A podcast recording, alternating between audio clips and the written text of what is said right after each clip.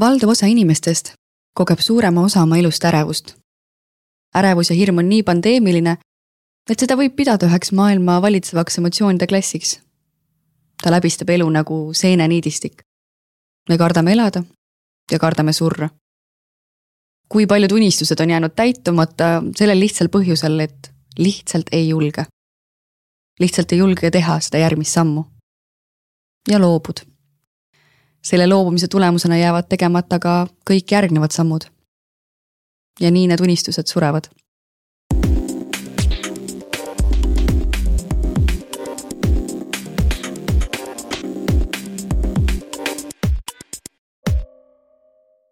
tere tulemast tagasi, head Oomika podcasti kuulajad. meie oleme Michelle ja Annika ja oleme jõudnud tagasi stuudiosse salvestama täna on meie emotsionaalse intelligentsuse seeria seitsmes episood, milles käsitleme ärevust ja hirmusid. kuna Sedona meetodis on hästi täpselt välja toodud äh, emotsioonide skaala, mis on tegelikult aluseks kogu inimese tundeelu mõistmiseks, siis äh, kui keegi tunneb huvi, on ka see skeem leitav Oomika Facebooki lehelt, kust saab äh, täpse ülevaate mille järgi me neid äh, podcast'e teeme.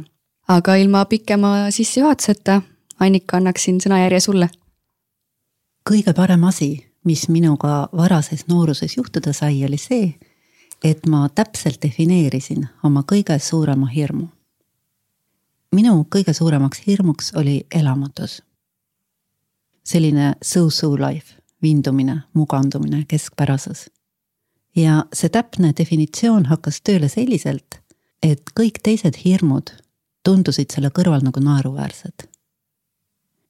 see definitsioon, mida ma avastasin, see lõi peas sellises ebatavalise selguse, mis on kandnud mind kogu ülejäänud elu. ja ilma selleta poleks mul põhjust neid podcast'e teha. siinkohal tahan veel teha sügava kummarduse oma emale, kes lapsepõlves mulle selle sisse juurutas lasertäpne kirjeldus mingist asjast mõjub nagu välk. ta puudutab, ta lööb nagu õhu puhtaks, segaduse udust ja sudust. ja selle järel tekib taipamine. ja taipamise tulemusena sa näed järgmist sammu, mida pead tegema. igasugune vindumine, kõik selline elu, mida inimene elada ei taha, saab aset leida ainult segaduses. ja just vindumine on see, kuhu ärevus ja hirmud su juhivad kui sa lased juhtida. hirmud justkui paralüseerivad su elusosa. ja täpselt nii, nagu sa ütlesid, nii ah, surevad inimeste unistused. selliste unistustest loobumistega peab olema hästi ettevaatlik.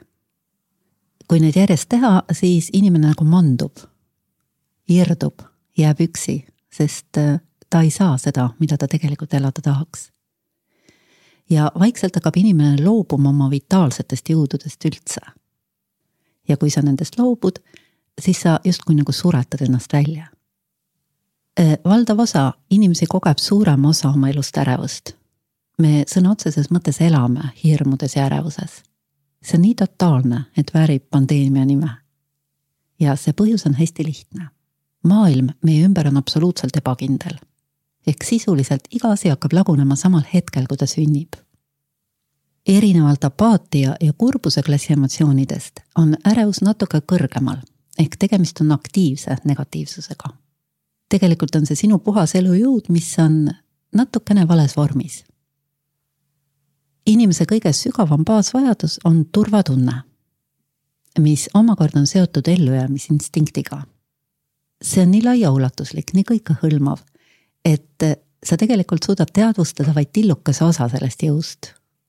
see turvatunde, ellujäämisinstinkti vajadus läbistab inimese elu nagu seeneniidistik.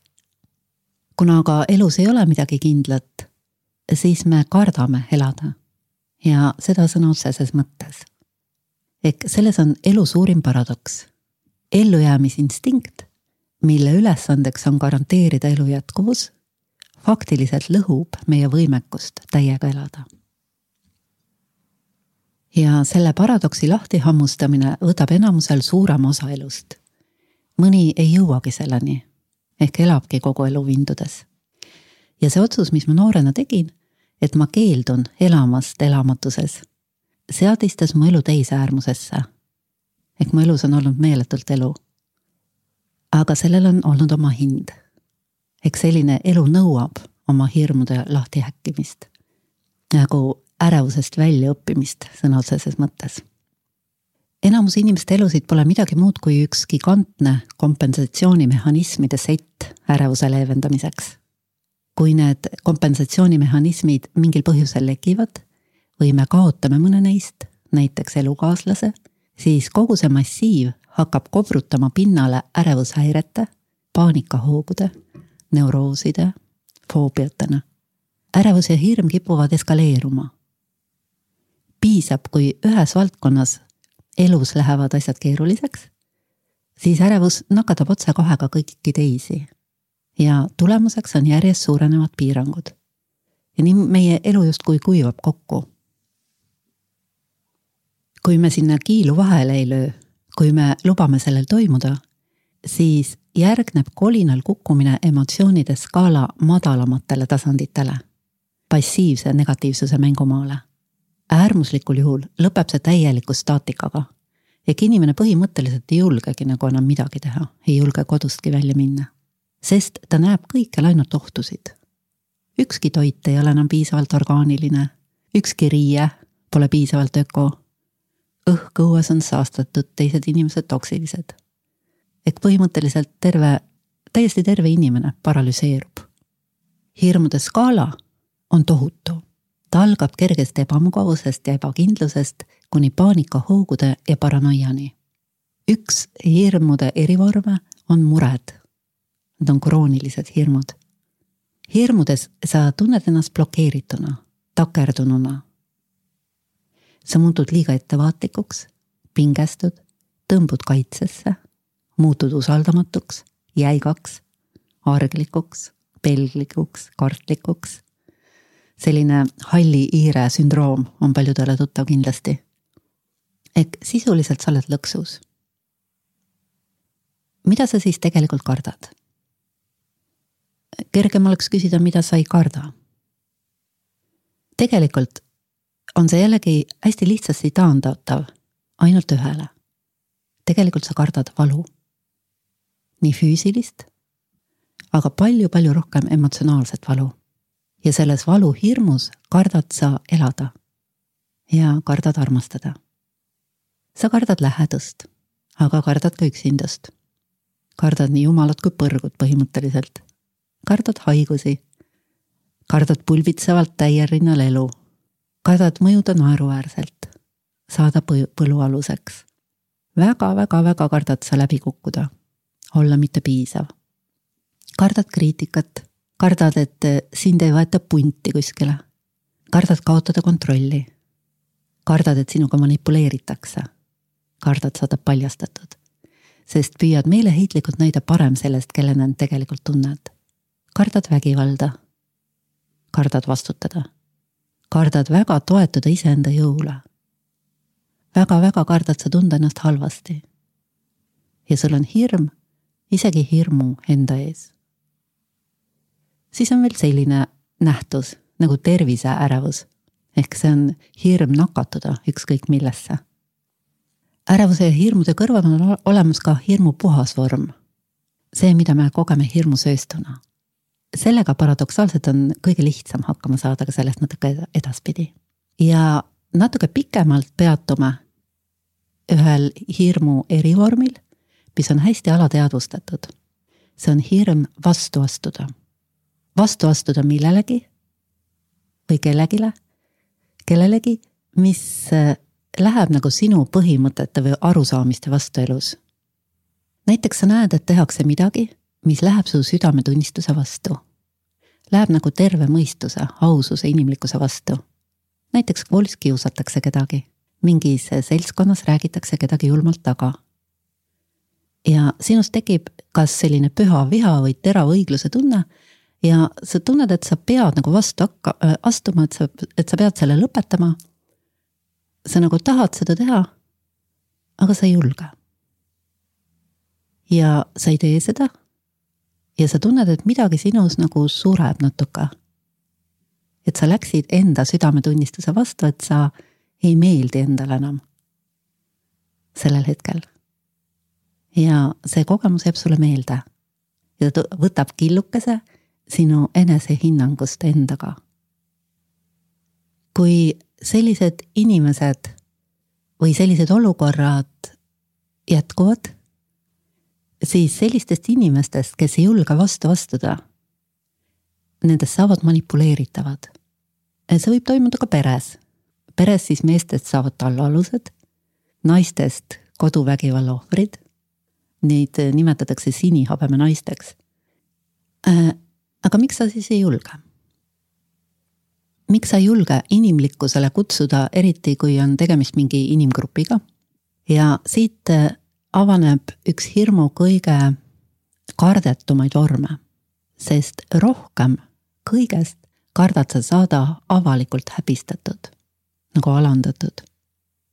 sa kardad, et kogu see grupp, kui tegemist on grupiga või pere, pöördub siis sinu vastu. ehk palju lihtsam on nähtamatu olla ja see hirm on nii halvav. suur osa sellest nii alateadvustatud, et just seda on kasutatud aastatuhandeid inimestega manipuleerimiseks ja nende allutamiseks. üle-eelmises podcastis me põgusalt puudutasime manipulatsiooni eh, ja selle ühte eriti sellist suurejoonelist vormi ehk sekti anatoomiat ja siis süütunde osa sellest. süütund on nagu sekti vereringe, ilma milleta ta kokku kukuks aga sekti teine põhirelv süütunde kõrval on hirm avaliku häbistamise ees. ja selleks kasutatakse niinimetatud näidispoomist inimesega, kes avastab süsteemis mingi vea või petuskeemi ja julgeb vastu astuda. et kes julgeb äh, kritiseerida siis kas äh, seal toimuvat või seda juhti, kes seda toimetab ja seda näidispoomist tehakse tihti asjaosalise selja taga nii et tal pole võimalustki ennast kaitsta. vahel harva ka tema juuresolekul. ja need inimesed, kes seda pealt näevad, see on nii õõvastav, et tekib selline kerge šokilaadne seisund paljudel. ja see omakorda salvestub alateadvusesse surmaohuna. ei rohkem ega vähem ja mis omakorda siis edaspidi peaks eos välistama igasuguse vastuhaku ja seega sekti jätkuvuse. ehk see on selline arukuse vaba alistumise tööriist kui eh, sellist näidispoomist reaalselt ise oma silmaga näha, eh, siis ei jõua ära imestada, kui täpselt skripti järgi see töötab. nagu kaasaegne inkvisitsioon ja sellega saab hoida inimesi hirmu all. Kuna ma sain pärast seda manipulatsiooni podcast'i kahelt selliselt inimgrupilt väga huvitavat tagasisidet, siis lähiajal teeme sellest eraldi osa. kuna Sedona meetod loob selles hästi suure selguse. annab väga täpsed karakteristikud, kuidas sekte ära tunda, millised on esimesed ohumärgid, millised juba tulipunased märgid ja kusjuures need äh, avalikud häbistamised käivad nende viimaste alla. Ja selle kohta öeldakse era, e, eriti karmilt seal, et see on spiritual rape. ja mille mõju võib olla siis nõrgematele laastav ja teiselt poolt siis anname, annab see Donna meetod selge teadmise, millistele kriteeriumitele vastab puhas õpetus ehk annab pidepunktid, et ennast mitte kahjustada lasta. ja veel kord, see on ainult täpne diagnoos. ärevuse, ebakindluse ja hirmu vorme on tegelikult meeletult palju ja mõneti kogu see podcast'i seeria on ärevusest tagasi nagu elu sellise helgema poole peale tagasi juhatav. et täna me jõuame sellise tillukese osa sellest ja teistes eh, osades edaspidi me tuleme ikka jälle ärevuse juurde tagasi. Eh, anname siis sellised eh, nagu sellise meetodi, kust saaks hakata seda ärevust kindluseks tagasi muutma. ärevuse ravi on tema vastand. tema vastand ongi kindlus. kindlus kõige sügavamal tasandilt tuleb elust endast ehk sellest, kes sa ise olemusoluna oled. U-pöördest, millel põhinevad kõik äh, sellised pärisõpetused ehk võimekusest tagasi tulla pinnapealsuse ärevusest sügavuse rahusse ja sealt sellist päris, sellist sügavat kindlust leides, sellest me oleme rääkinud eelmistes osades. ehk need baasteadmised jäävad alati, ükskõik millist emotsiooni me ei puuduta, baasteadmised jäävad alati samaks. täna lihtsalt näit-, natukene teise nurga alt räägin. Nüüd ainus võimalus ennast elus kindlana tunda on toetuda õigetele alustele, mis omakorda hästi lihtsas nagu inimlikus vormis igapäevases elus on üllatavalt kokkuvõetav ühte lausesse. ära tee pattu. see kõlab nagu kristlik manitsus. aga tegelikult taandub see talupojatarkusele. ehk ära lihtsalt lõhu elu. ära tee midagi, mis on elu vastu. Siit võib tekkida järgmine küsimus, et kuidas seda eristada. jällegi väga lihtsalt. sa tead seda, nii lihtne see ongi sa absoluutse kindlusega tead igal hetkel, kas see, mida sa teed, on õige või mitte. iga inimese sees on selline õhkõrn näidik, kui seda natukenegi kuulda võtta. seda nimetatakse südametunnistuseks. see, mida sa teha saad, on teha otsus. ma mitte kunagi ei tee midagi oma südametunnistuse vastu. olgu minu vastas või terve leegion kui sa teed selle otsuse, ehk sisult ma olen aus ja ma olen julge, sest ausus nõuab julgust. Need kaks töötavad nagu paarisrakend, siis samal hetkel, kui sa selle otsuse teed, käivitub taotlus. kõige vägevam jõud üldse, mis sul on. Ja sellisest otsusest tekib nagu kuum tuum sinu isiksusse, mille ümber kogu su elu ümber seadistub ja su saatus muutub. ei rohkem ega vähem. kui see otsus on läbi teadvustatud, taotlusega tehtud, siis seda on tunda kohe jõu juurdevooluna. selline otsus muudab radikaalselt sinu minapilti. ehk sa hakkad endale meeldima.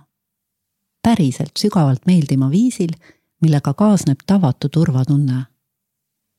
ja millel pole mingit pistmist nartsissismiga sisuliselt sa teed kvanthüppe emotsioonide skaalal julguse tasandile. ja nagu me varasemalt oleme öelnud, on see esimene tasand üldse, kus turvatunne muutub baasseisundiks. see on tasand, kus ei passiivsed ega aktiivsed elu lõhkuvad energiad ega emotsionaalne valu ei ranni sind enam. allpool ausust ja julgust apaatsetes, depressiivsetes või agressiivsetes äh, seisundites on tegelikult kogu su elu üks suur valu. ja üks suur põgenemisstrateegiate jada selle valu eest. julguses sa ei tooda enam valu juurde. sest sa ei tooda juurde enam valu põhjuseid. Kõige sügavamal tasandil igasugune emotsionaalne valu saab sinus olla vaid selle tõttu, et sa oled kunagi midagi teinud, mis on elu kahjustav. nii kui sa otsustavalt lõpetad elu lõhkumise antakse sulle võimalus seda intensiivselt ja kiiresti parandama hakata. ja see võimekus kasvab eksponentsiaalselt. mida otsustavamalt ja jõulisemalt sa asud elu üles ehitama, seda rohkem sulle jõudu juurde antakse. Suurema jõutasemega käib kaasas eristamisvõime paranemine ehk arukuse kasv.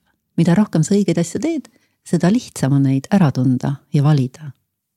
ja omakorda elu edendada ehk tekib nagu selline ülespoole keerduv nõiaring või spiraal. ja just nimelt valida läbi eristamise, sest lõpuks taandub kogu elu ainult valikule. ja alates julguse tasandist saad sa selgelt aru, et see valik on kõige peenemal tasandil. Me valime läbi oma fookuse, teadlikkuse fookuse ehk tähelepanu see otsus üksi ei tähenda, et kõik negatiivsed emotsioonid on nüüd kadunud, seda mitte. aga sul tekib drastiliselt teine suhe nendesse ehk lõpeb põgenemine ja lõpeb kogu valskus. sa ei luba neil ennast enam juhtida ja seega nad kaotavad oma võimu sinu üle. sest ainus võim, mis emotsioonidel sinu üle on, on lummuse võim. Ja see ärevuse lummus kestab täpselt nii kaua, kui sa lased end lollitada ehk oma elujõudu kurnata.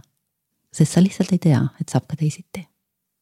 alles julguse tasandilt saad sa piisava arukuse ja jõu näiteks see Toona meetod võimsalt tööle hakkaks. et sa saaksid iga üles kerkivat emotsiooni transformeerida tagasi puhtaks elujõuks samal hetkel, kui ta trigerdub ja sa märkad teda. Üheksakümmend protsenti minu tööst selle kahekümne viie aasta vältel taandub tegelikult täpsete defineeritud teadmiste andmisele, et inimene suudaks sellise otsuse teha. sest ei ole teist teed ärevusest välja. lihtsalt ei ole. muutus algab alati selgusest. selgus algab julgusest. julgusest teha otsus olla julge. tundub nagu paradoks, aga nii see on. Julgusest oma elule otsa vaadata ja eelkõige julguses toetuda elu põhitõdedele. sest ainult nendele toetudes on võimalik ärevusest välja saada. üks nendest põhitõdedest on Lester Levensoni ähm, kirjelduses Think only what you want. mõtle ainult seda, mida sa tahad ehk julguse tasandil tuleb inimesel nii palju jõudu ja eristamisvõimet juurde, et ta taipab ära, et ta tegelikult ise ei mõtle. kuigi ta on seda kogu aeg arvanud siiani. ehk mõtted käivad nagu lõputu jada ja enamus nendest mõtetest ongi see põhjus, mis, miks ta on ärevuses kogu aeg, ehk nad toodavad ärevust. üks elu põhitõdedest on see, et mind is only creative mõtted määravad kogu su elu. mõtted on nagu skript, nagu su elufilmi käsikiri. ehk kui sa vaatad oma elu ja vaatad oma mõtteid, siis nad kattuvad üks-ühele. ja kuna see mõttevool on pidev ja kogu meie elu on selle poolt juhitud, siis on ülimõistlik ka see osa enda elus korda teha.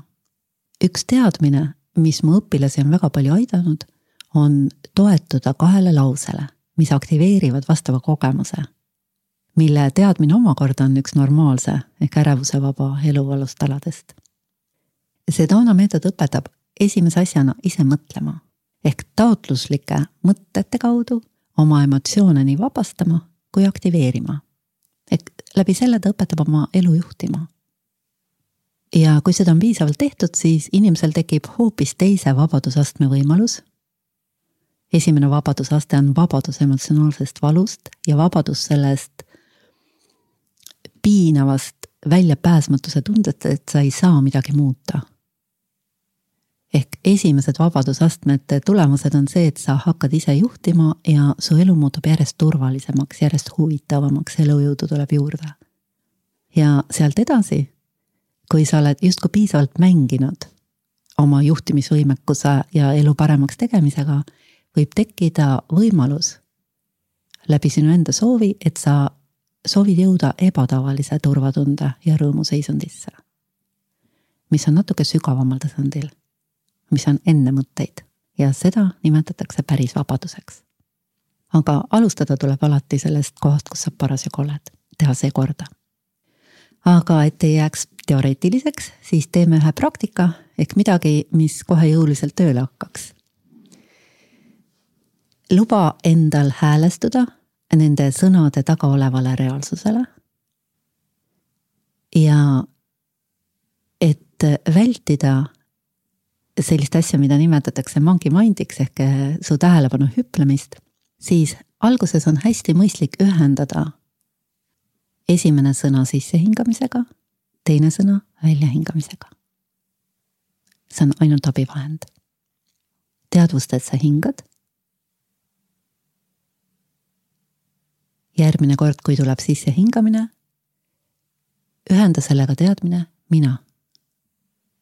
mina olen. väljahingamisel lihtsalt lõdvestu. tee seda selliselt, et see mina olen sõnadena mõjuks taotlusena ehk seal sees on sinu soov, mis viiks su vastava reaalsuse ehk enesekogemise kogemisele mina olen. ja välja hingates lõdvestu lihtsalt.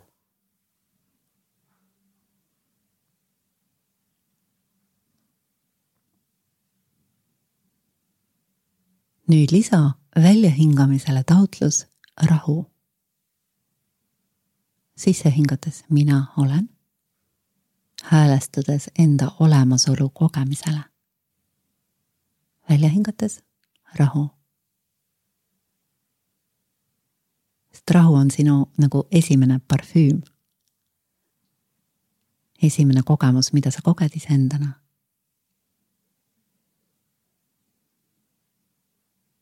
ja avasta, et äh, läbi selle sa lõid nagu kiilu pideva ärevuse rattasse.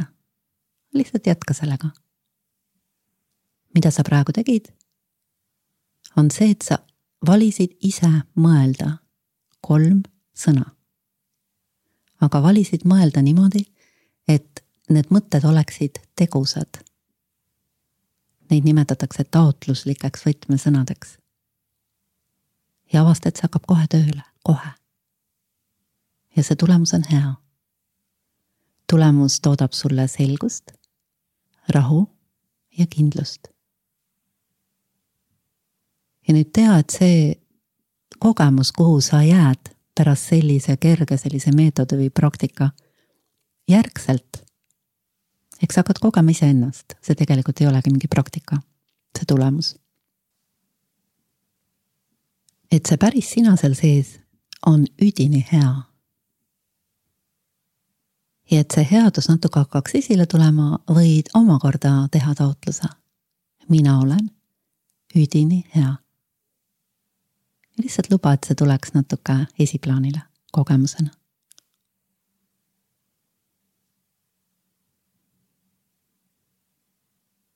ja avasta, et midagi muutub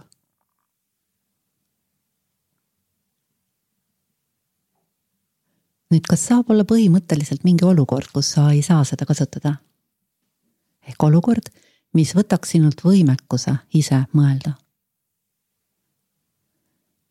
Vot selliseid teadmisi nimetatakse tõeks. ehk tõde, tõesed teadmised töötavad igal pool, igal ajal, iga inimese jaoks. kui ainult meelde tuleks neid kasutada. kuna ärevus on ise võimenduv ehk sa kütad teda ise oma mõtetega, iseendale aru andmata. ehk mida ärevam on seisund, seda ärevamad on mõtted ja seda ärevamaks läheb veel kui see, see, veel see seisund. Eks see on nagu selline nõiaring emotsionaalsesse põrgusse. ja nüüd piisab, kui see mõttetunde tandem katkestada. ehk piisab, kui lüüa sinna vahele teine mõte. ja õrnalt, aga kindlalt sellest kinni hoida ja su ärevus taandub väga kiiresti, nagu sa kogesid just. sest sa ei pane enam puid alla. seda ma nimetan õlekõrre meetodiks. Ehk sa õrnalt kergelt hoiad oma õlekõrrest kinni, milleks on siis see nagu päästev mõte, näiteks mina olen rahu.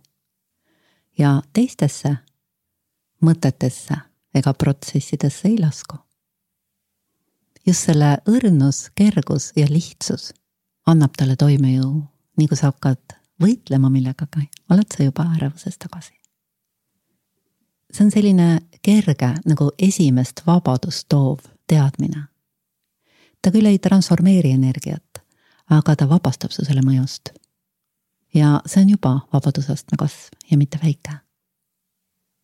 ehk muuda oma mõtete suunda, see on väljapääs väga hulludest olukordadest luba sügavalt enda sisse sööbida teadmisel, ma olen inimene.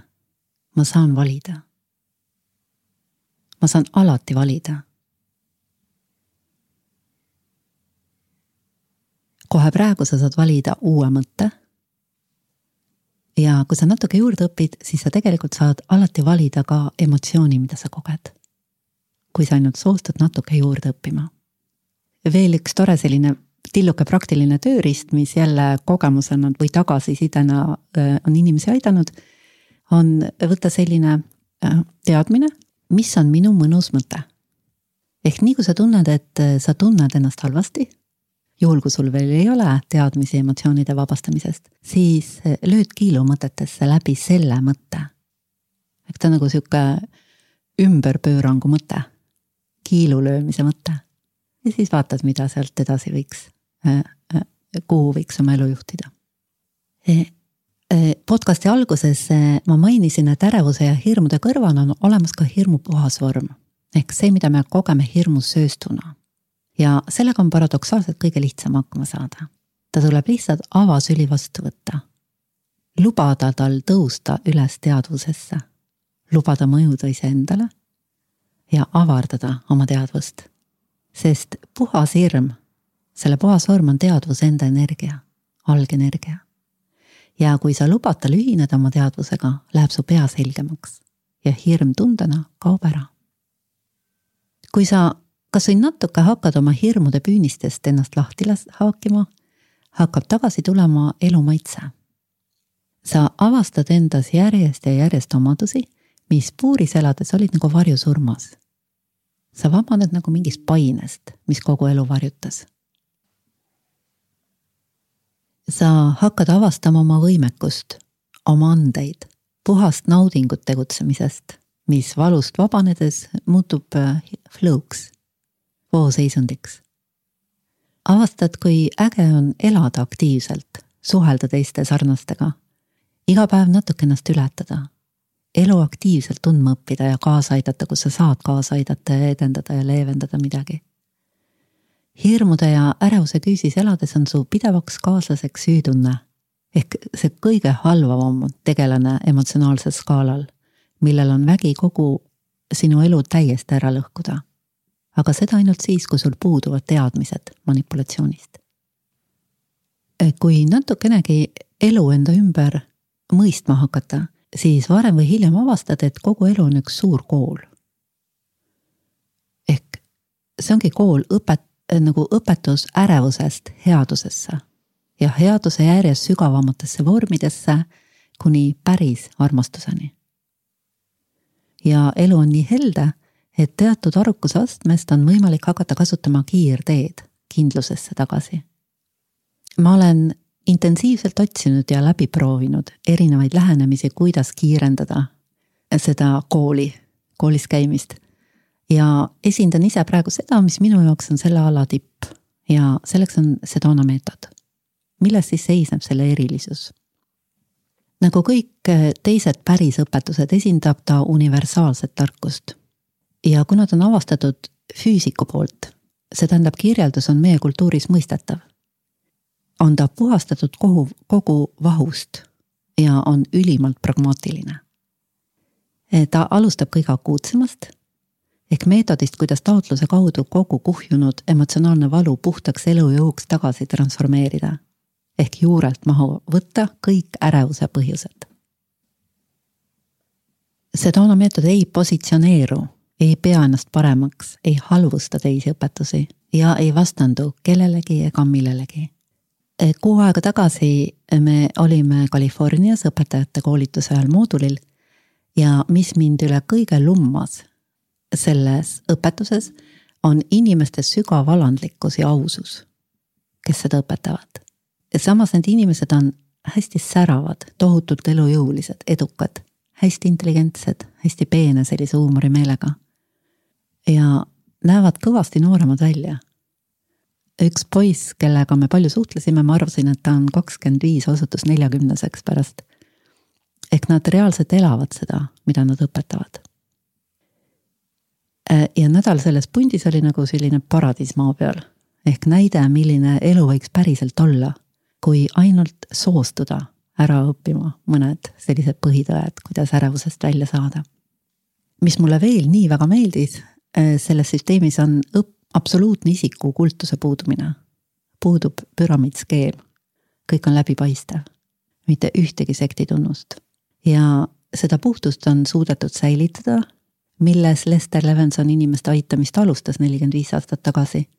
ja tõenäoliselt just see puhtus on Sedona meetodi erakordse populaarsuse ja elujõu alus maailmas ehk ta on jõudnud pea kõikidesse riikidesse, raamat sai New York Times bestselleriks.